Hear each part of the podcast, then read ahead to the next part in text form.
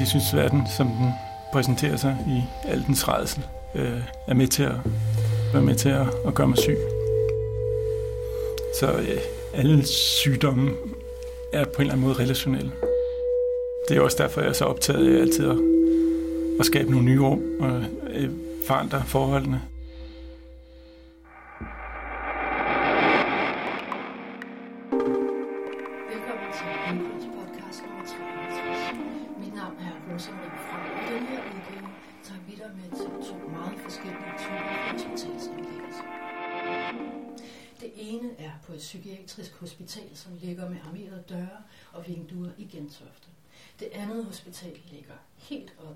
Optaget på et lille loft på Nørrebro i København med persiske tæpper og puder på gulvet. Det hedder Hospital for Self-Medication, og det er billedkunstner og forfatter Jakob Jakobsen, som har skabt det eksperimenterende hospital, som lige har fejret sin åbning. Jakobsen bor selv på 4. sal, lige under det nye hospital, og man skal igennem hans køkken for at komme derop af en smal, knirkende stige. For en rød tråd gennem hans kunst er selvorganisering.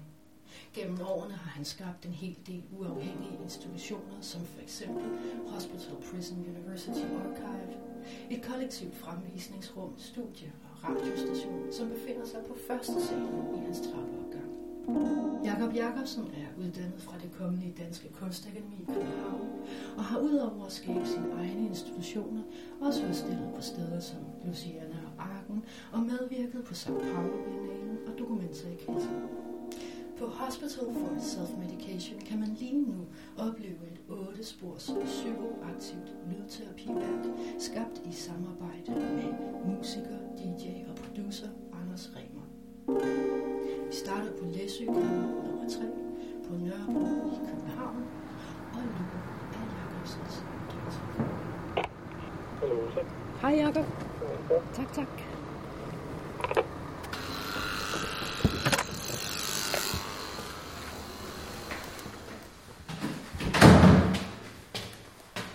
Nu er vi oppe på fjerde sal. Slå opsigstavlen. Og nogle plakater, hvor der står Hospital for Self-Medication. Store plakater med rød skrift. Goddag. Tak fordi jeg måtte komme. Jo, tak. Ah, okay, så er vi inde i dit køkken. Ja. Ej, wow. Og du har simpelthen bare solsikker og lybetum på altanen. Jo, det er min hobby. Fedt, mand. Og der hænger også plakater for Hospital for Self-Medication. Ja, de plakater er lige kommet op. Ja, fedt. Og du, øh, det er fandme dejligt med kaffe, og det er altså rigtig fint. Dit gulv, det er mega gult køkkengulv. Mm. Hvor længe har du boet her? Altså i lejligheden? Siden jeg var øh, øh, teenager. Og for mig er hverdagen jo et vigtigt element af mit arbejde, så, så er det også derfor, at, at mit, mit hjem på en eller anden måde metastaserer og laver nye rum omkring mit hjem, som jeg kan så bruge som en form for kunstnerisk ramme.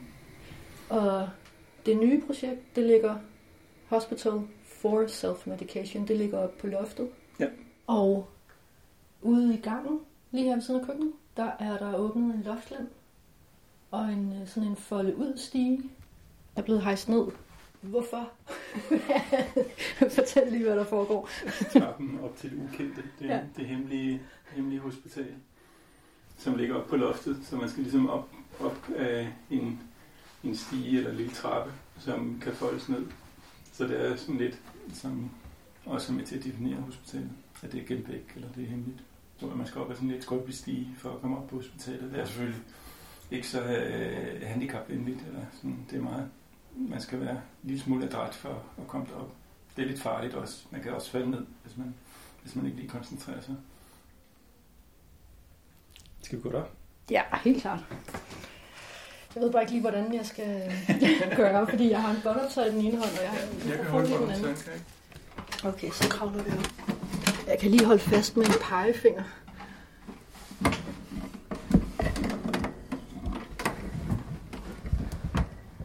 Ups, så er vi oppe på sådan et loftrum, jeg lige stikker hovedet op i her.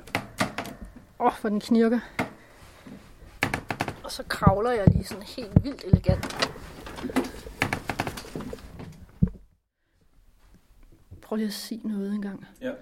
Hallo. Rosa? Ja. Er? Jeg er der. Er det okay, jeg har den øh, så tæt på dig?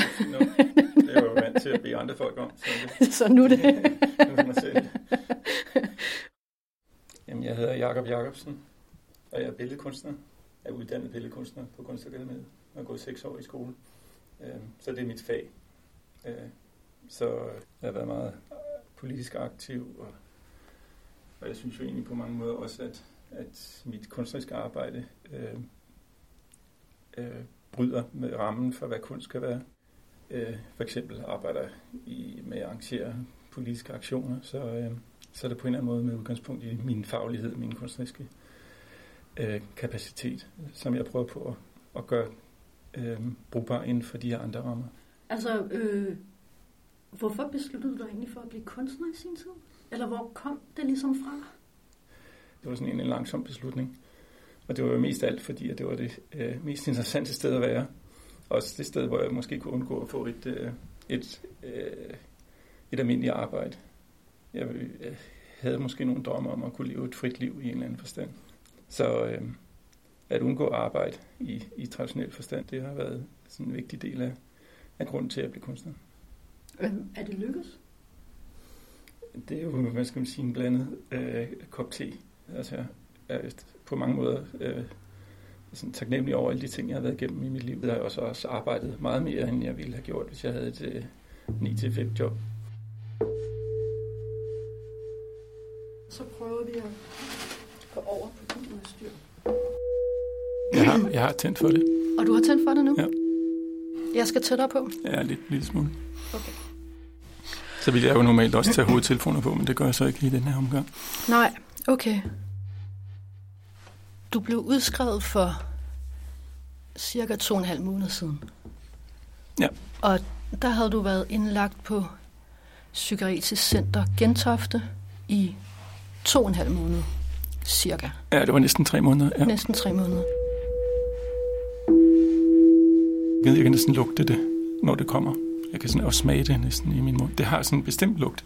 Øh, altså, det, det er heller ikke, det er måske nærmere en smag, men jeg kan altid sådan fornemme det. Altså, sådan på kroppen. Det er ikke bare noget, der foregår op i mit hoved. Det er ligesom, jeg kan mærke, det kommer, og det tager fat i min krop. Den bliver udmattet. Og altså også angst selvfølgelig. Angst er også en meget kropslig ting. Så en stor sten i maven, ikke? Jeg var i, i New York øh, i januar, øh, og der havde jeg det ret dårligt. Men jeg skulle lave nogle ting, som var sådan nogle arrangementer, offentlige arrangementer. Meget af min tid gik med at egentlig at samle kræfter, så jeg var meget derhjemme, der hvor jeg boede. Og så ligesom de ting, jeg skulle lave, øh, den kunne jeg ligesom spare energi sammen til, og så udføre. For det var lidt lille smule, øh, på en eller anden måde lidt komisk, fordi lige det rum, jeg havde, der var faktisk ikke nogen vinduer ud til. Så det var helt mørkt, altså om dagen. Øh, der var kun kunstig belysning. Men altså, jeg tror ikke, det var med til at forstærke noget eller, eller ændre noget, men det var et ret depressivt rum. Øh, så det var en lidt, bestemt, eller lidt speciel oplevelse at, at være i det rum.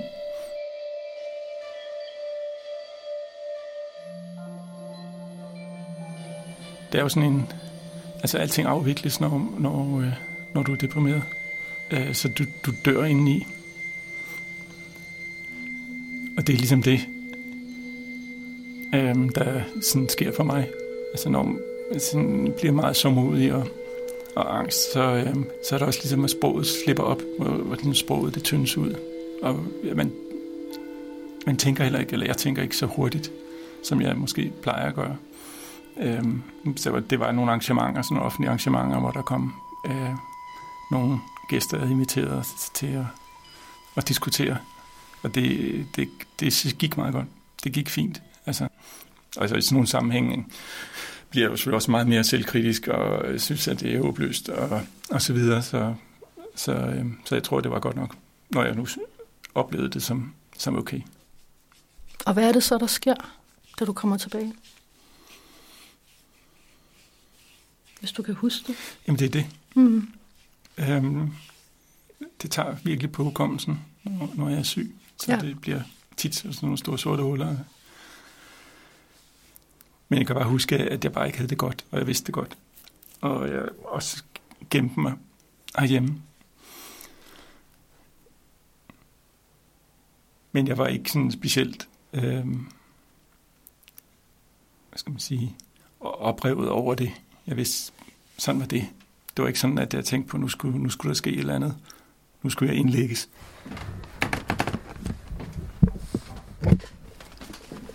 Ja.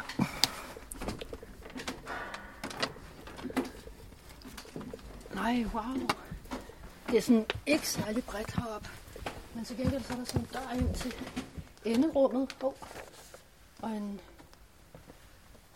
Der er simpelthen et tomt rum her med tæpper på gulvene og puder.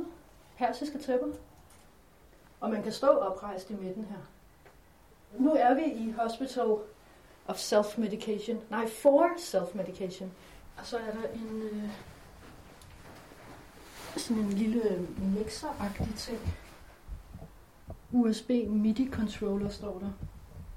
Det er sådan en del af, af nogle eksperimenter med lydterapi.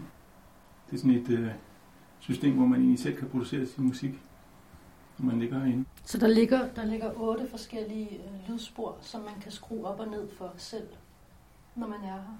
Det er sådan en form for øh, øh, nærværsmaskine, hvor man også bliver meget aktivt lyttende. Øh, det noget, som er vanskeligt, når man, hvis man er, lider af depression eller også af angst. Der er man ofte ret fraværende.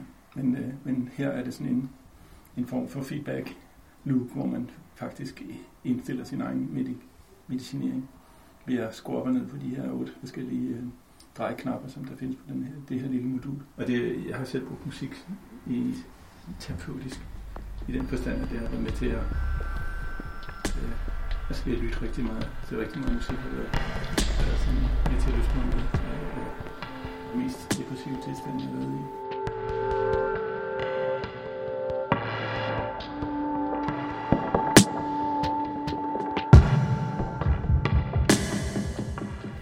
Altså, det var en ganske almindelig dag, hvor jeg så skulle til psykiateren, og så regnede selvfølgelig med, at vi skulle snakke om, om en anden medicinering, der måske kunne hjælpe mig lidt bedre.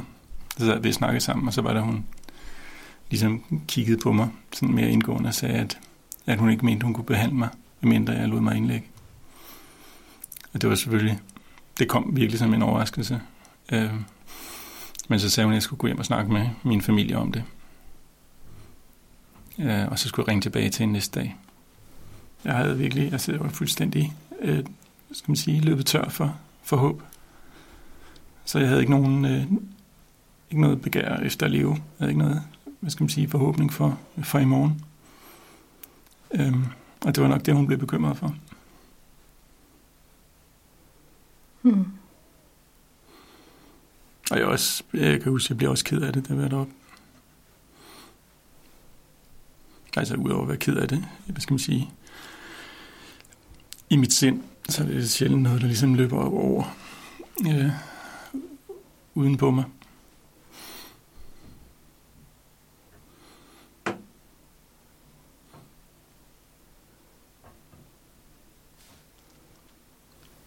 Men ja. Men det er også en underlig proces, det at blive indlagt, fordi det er også... Øh, altså, det er bare for at tænke sig at skulle på hospitalet, det var jo sådan helt som at bestige et bjerg. Når man har det som jeg, så vil jeg helst øh, ikke have nogen opmærksomhed, så vil det bare helst være for mig selv. Så det der med at skulle henvende sig til en skadestue og sige, at man er på spanden, og, og hvad skal man sige, formidle sin armod. Øh, det er det, det er lidt uoverstigeligt proces at tænke på, at jeg netop skal sådan vurderes eller vejes på den måde. Det, det vil jeg jo helst være fri for.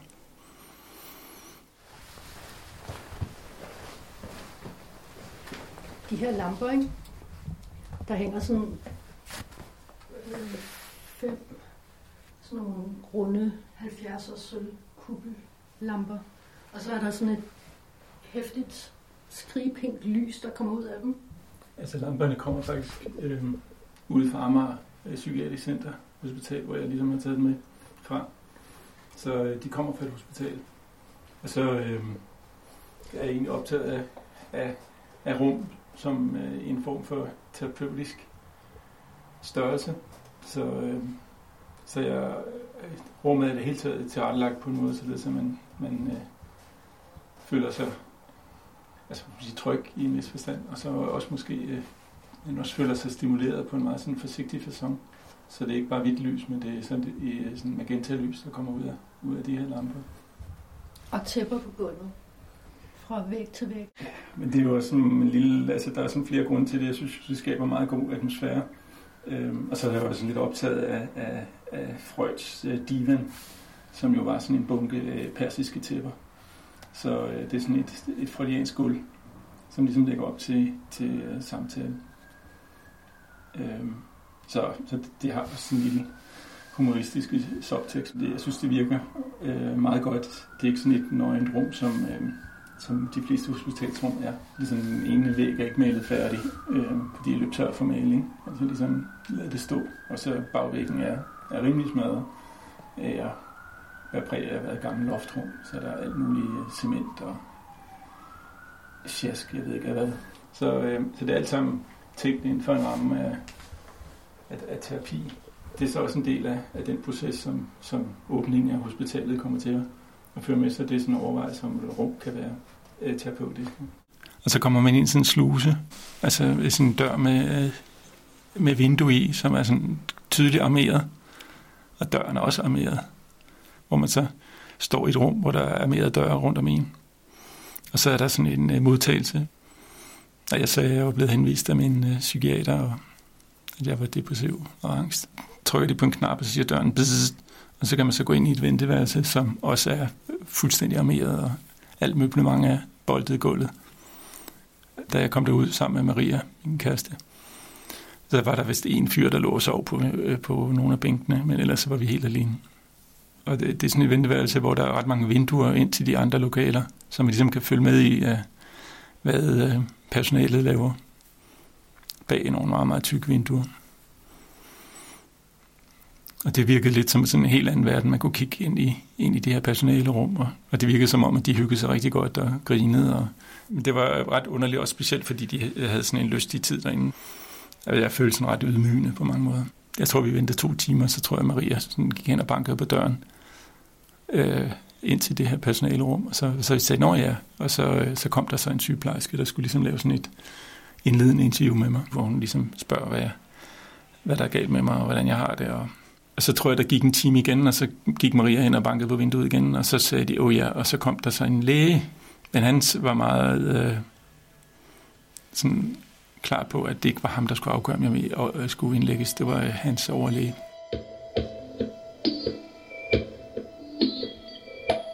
Altså lige nu i, i talende stund, så er Hospital for Self-Medication. Det er ikke åbnet officielt endnu. Det gør det først om en lille uges tid. Og så kan man, øh, så, kan man så komme derop som gæst, besøgende. Og så kan man så øh, ved hjælp af sådan en lille, sådan en lille man kalder det en mixer, øh, med otte skrueknapper, kan ligge og, og skrue op og ned for de forskellige spor, sådan stille og roligt, ligesom og lave den øh, blanding, som, som, øh, som en synes var mest sådan, aktiv altså psykoaktiv i forhold til, til ens øh, øh, tilstand. Hvad betyder psykoaktiv? At man kan sige, at, at, at sindet er aktivt deltagende, det er ikke bare modtagende. Og så er det også lavet sådan, at hvis man skruer op for alle otte spor, så fungerer de sammen rytmisk. Ja, og harmonisk. Eller, ja, og harmonisk, ja. ja. Så det er ikke sådan, at det bliver sådan trash-smadret øh, hvis man skruer op for alle eller to i kvotationer forkerte mm. på en gang. Altså de harmonerer alle sammen i deres loops. Altså det er ikke øh, sådan en, at der er egentlig plads til lytteren. Hvad mener du med, med plads til lytteren? Der er ligesom, du, du, du kan få noget til, føler du, eller der er plads til egentlig at reagere i forhold til musikken. Øh, symfoniorkester, der spiller Beethovens 4. symfoni, der er altså ikke plads til meget andet end dig som passiv øh, modtager. Her er det sådan en aktiv lytter.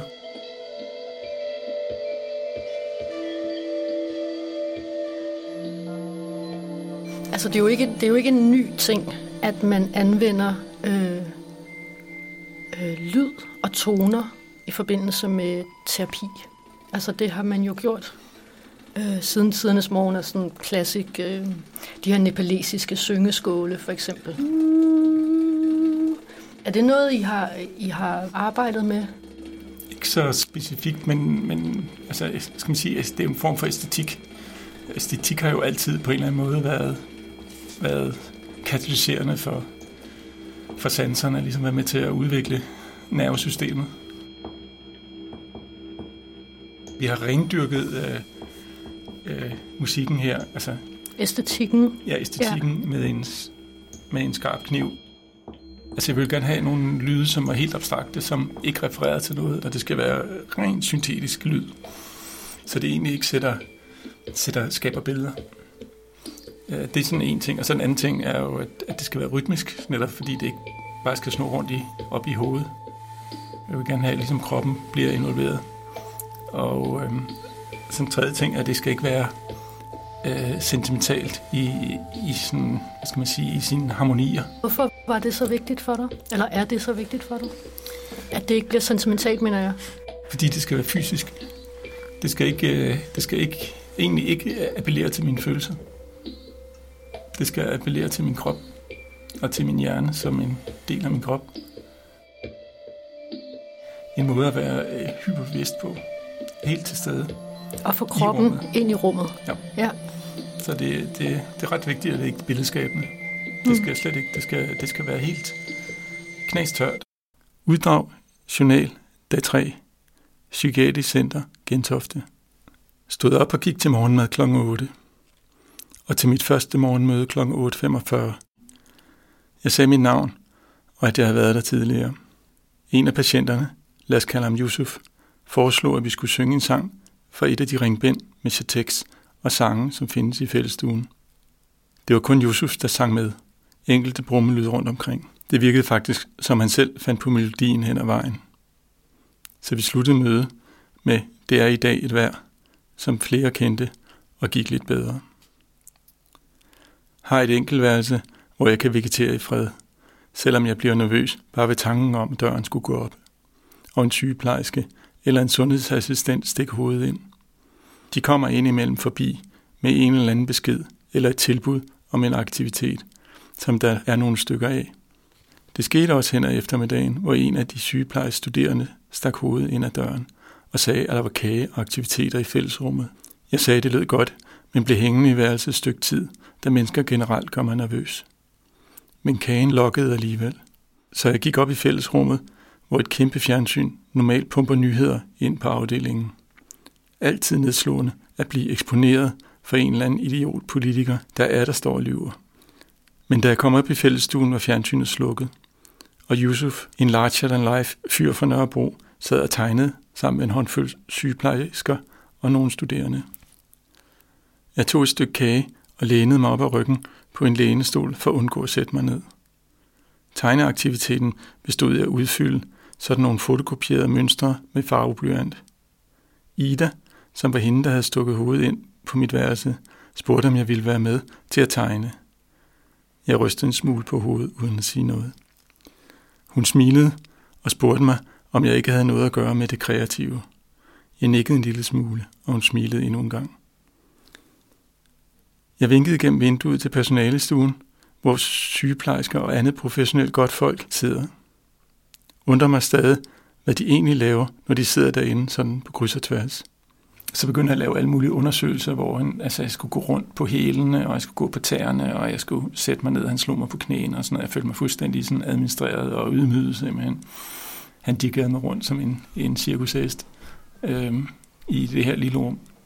Jeg havde med en stor vinterstøvler på, så det var svært for mig at gå på hælene og, og gå på tæer, og jeg var sådan fuldstændig opgivende. Altså, han sagde også lidt, at det er jo ikke sådan et sted, man kan komme og bare blive indlagt, og og sådan ligesom bunden faldt ud af, af mit indre på en eller anden måde.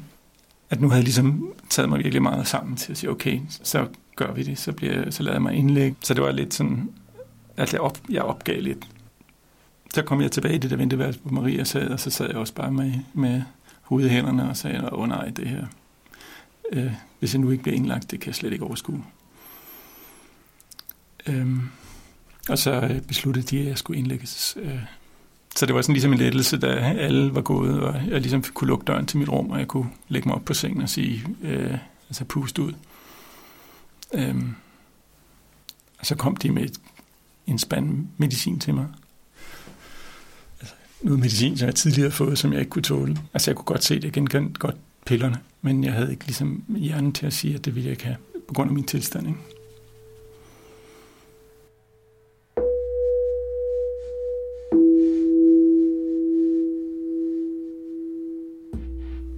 Altså det her med, at, at du har haft depressioner og angst, er det noget, du tænker som en, en kemisk ting i din hjerne, eller er det øh, omgivelserne uden omkring dig, som, som du mener er med til at skabe angst og depression hos dig?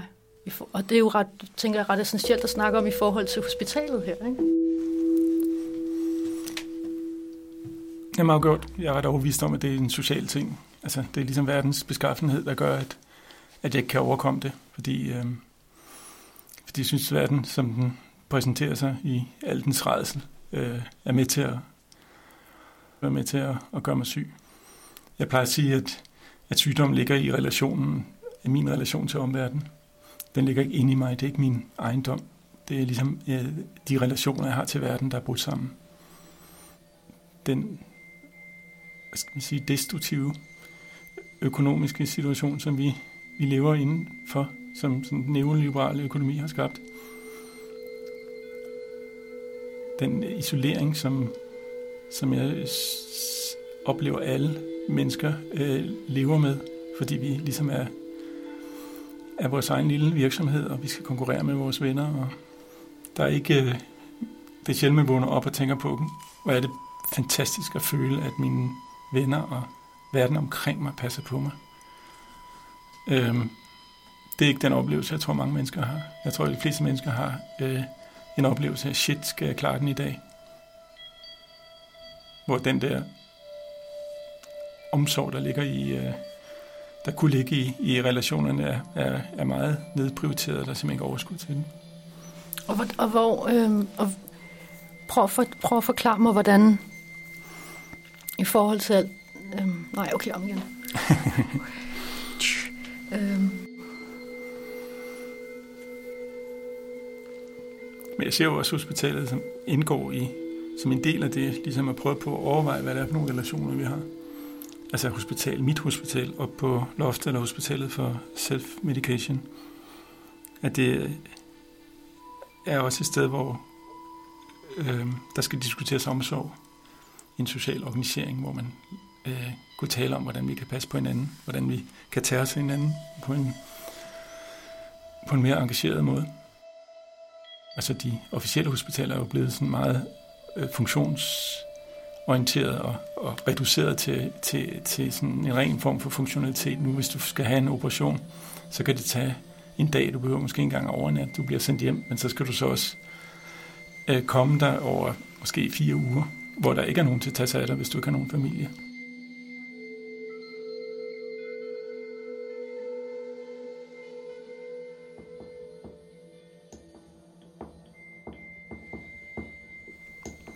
Uddrag fra journal dag 19, Psykiatrisk Center Gentofte.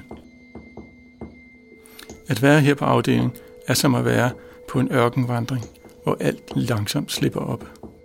Jeg er stort set ligget på min seng hele dagen og mærke min nervøse hud mod mit tøj.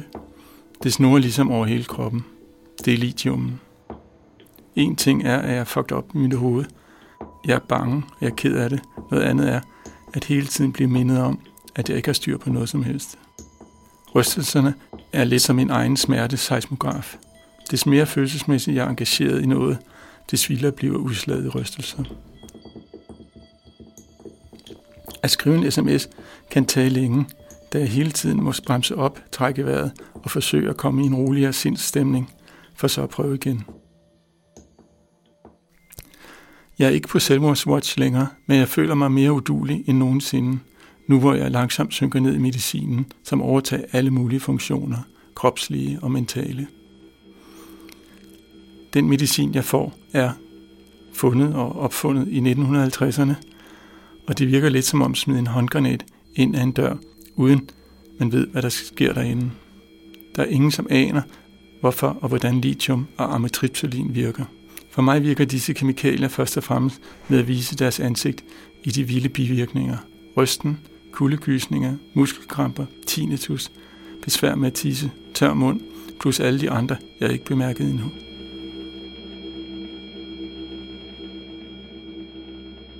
Så fik jeg så et værelse der på afdelingen 19.1. Så det var helt, helt hvidt og helt sådan klinisk, og dørene er jo sådan nogle automatiske døre, som ligesom man går hen til, og så klapper de op. Så der er mange af de der underlige maskinlyde. Men det var også sådan en altså langtids, åben langtidsafdeling, så der var ikke nogen behandling. Så der var virkelig meget tid for en selv. Altså ens behandling, der var det medicinsk behandling. Så, så udover det var der noget gymnastik. Ellers var der øh, ingen behandling. Der var ikke nogen psykolog tilknyttet afdeling. Der var ikke nogen ergoterapeut tilknyttet afdeling. At en af de eneste ting, jeg kunne gøre, det var at, øh, at lytte til musik. Øh, jeg sådan lå i min seng, og ryglænet var sådan halvt skubbet op, så jeg sad sådan halvt op, og sad der og lyttede på musik og kiggede på den hvide dør, som var ude mod korridoren.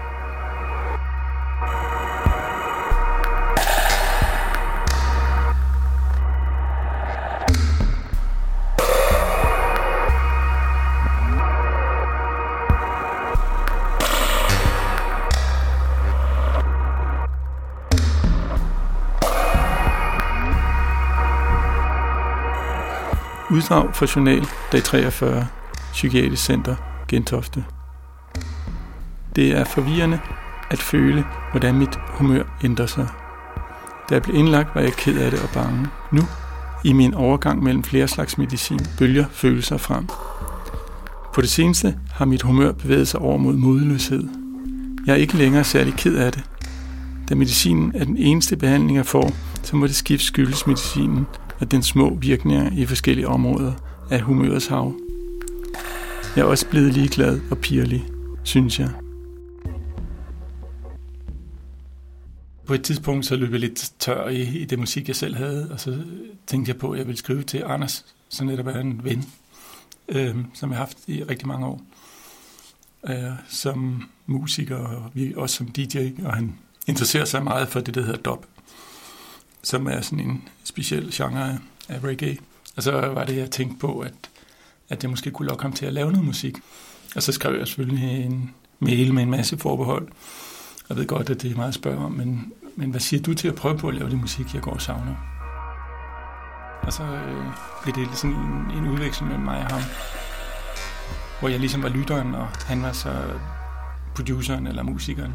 Så jeg sagde, at ah, der skal den her lille tromme, den er måske ikke helt rigtig, og eller rytmen er lidt for hurtig i det her nummer, kan du ikke sætte det lidt ned? Og, øh, der mangler noget bas. Øh, så det blev sådan en proces, hvor han justerede de her numre for mig, når han ligesom havde tid til det. Det blev sådan ret lang proces, men han var så ret optaget af at lave noget musik, som faktisk havde en øh, konkret øh, terapeutisk øh, konsekvens.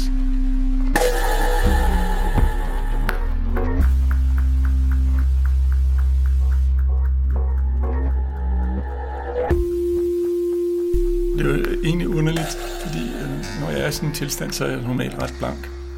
Så får jeg ikke så mange idéer. Jeg er helt død. Så var der sådan nogle små ting, som ligesom opstod, som måske har en karakter af, af sådan en overlevelsestrang. Øh, så hvordan fanden skal jeg komme ud herfra? Og det var blandt andet øh, den der tanke om hospitalet. Og så blev det ret hurtigt øh, klart, at det ville være sjovt at arbejde øh, med lydterapi op i det rum. At det her hospital, jeg lå på, det kommer i hvert fald ikke til at fikse mig, så jeg må så må jeg finde ud af noget selv.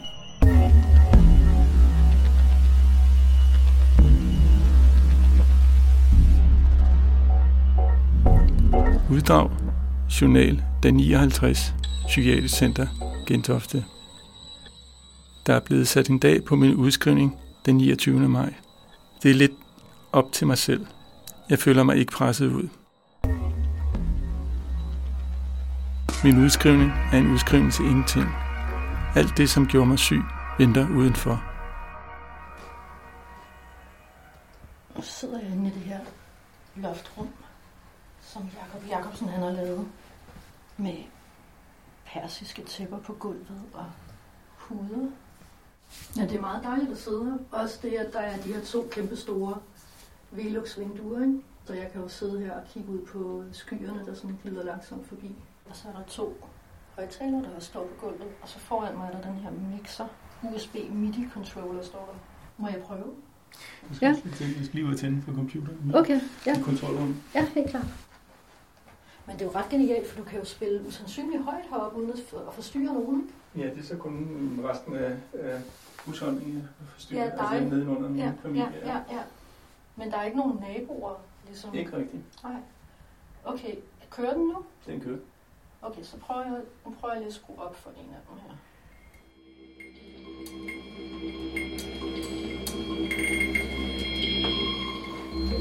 Nu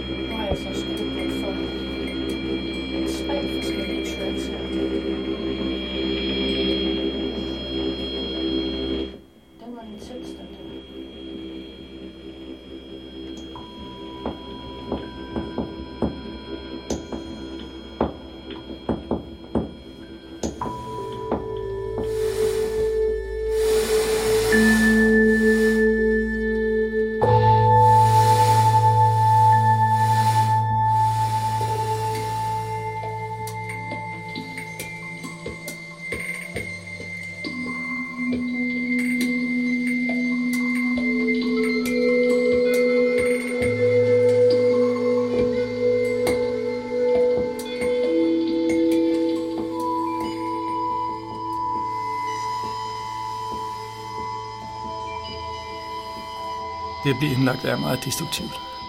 Jeg synes, det har, det har været meget ødelæggende Okay. at være indlagt på mange måder. Ja, hvordan?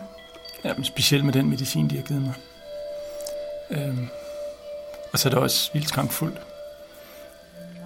Øhm, man er virkelig, men det bliver virkelig klart, at man, man ikke passer ind. Man er virkelig, at man ikke kan leve et almindeligt liv, når man ligesom er råd på et hospital. Det kan godt være, at jeg heller ikke vil leve et almindeligt liv, det er sådan en anden sag, men øh, så er der en kæmpe stor foragt over for, for syge i en eller anden forstand. Men den foragt kan man så også vende om og, og bruge til en, se det som en protest mod lige præcis det samfund. Øh, selvfølgelig er, er, er sygdom også sig selv en forhindring i den protest, fordi jeg bliver afvæbnet i en eller anden forstand. Men, øh, men øh, jeg vil gerne se det som en protest, og i den protest kan man også finde en styrke. Øh, en styrke, som som knytter sig til at prøve på at forandre verden, at man i en eller anden forstand bliver revolutionær gennem sin sygdom.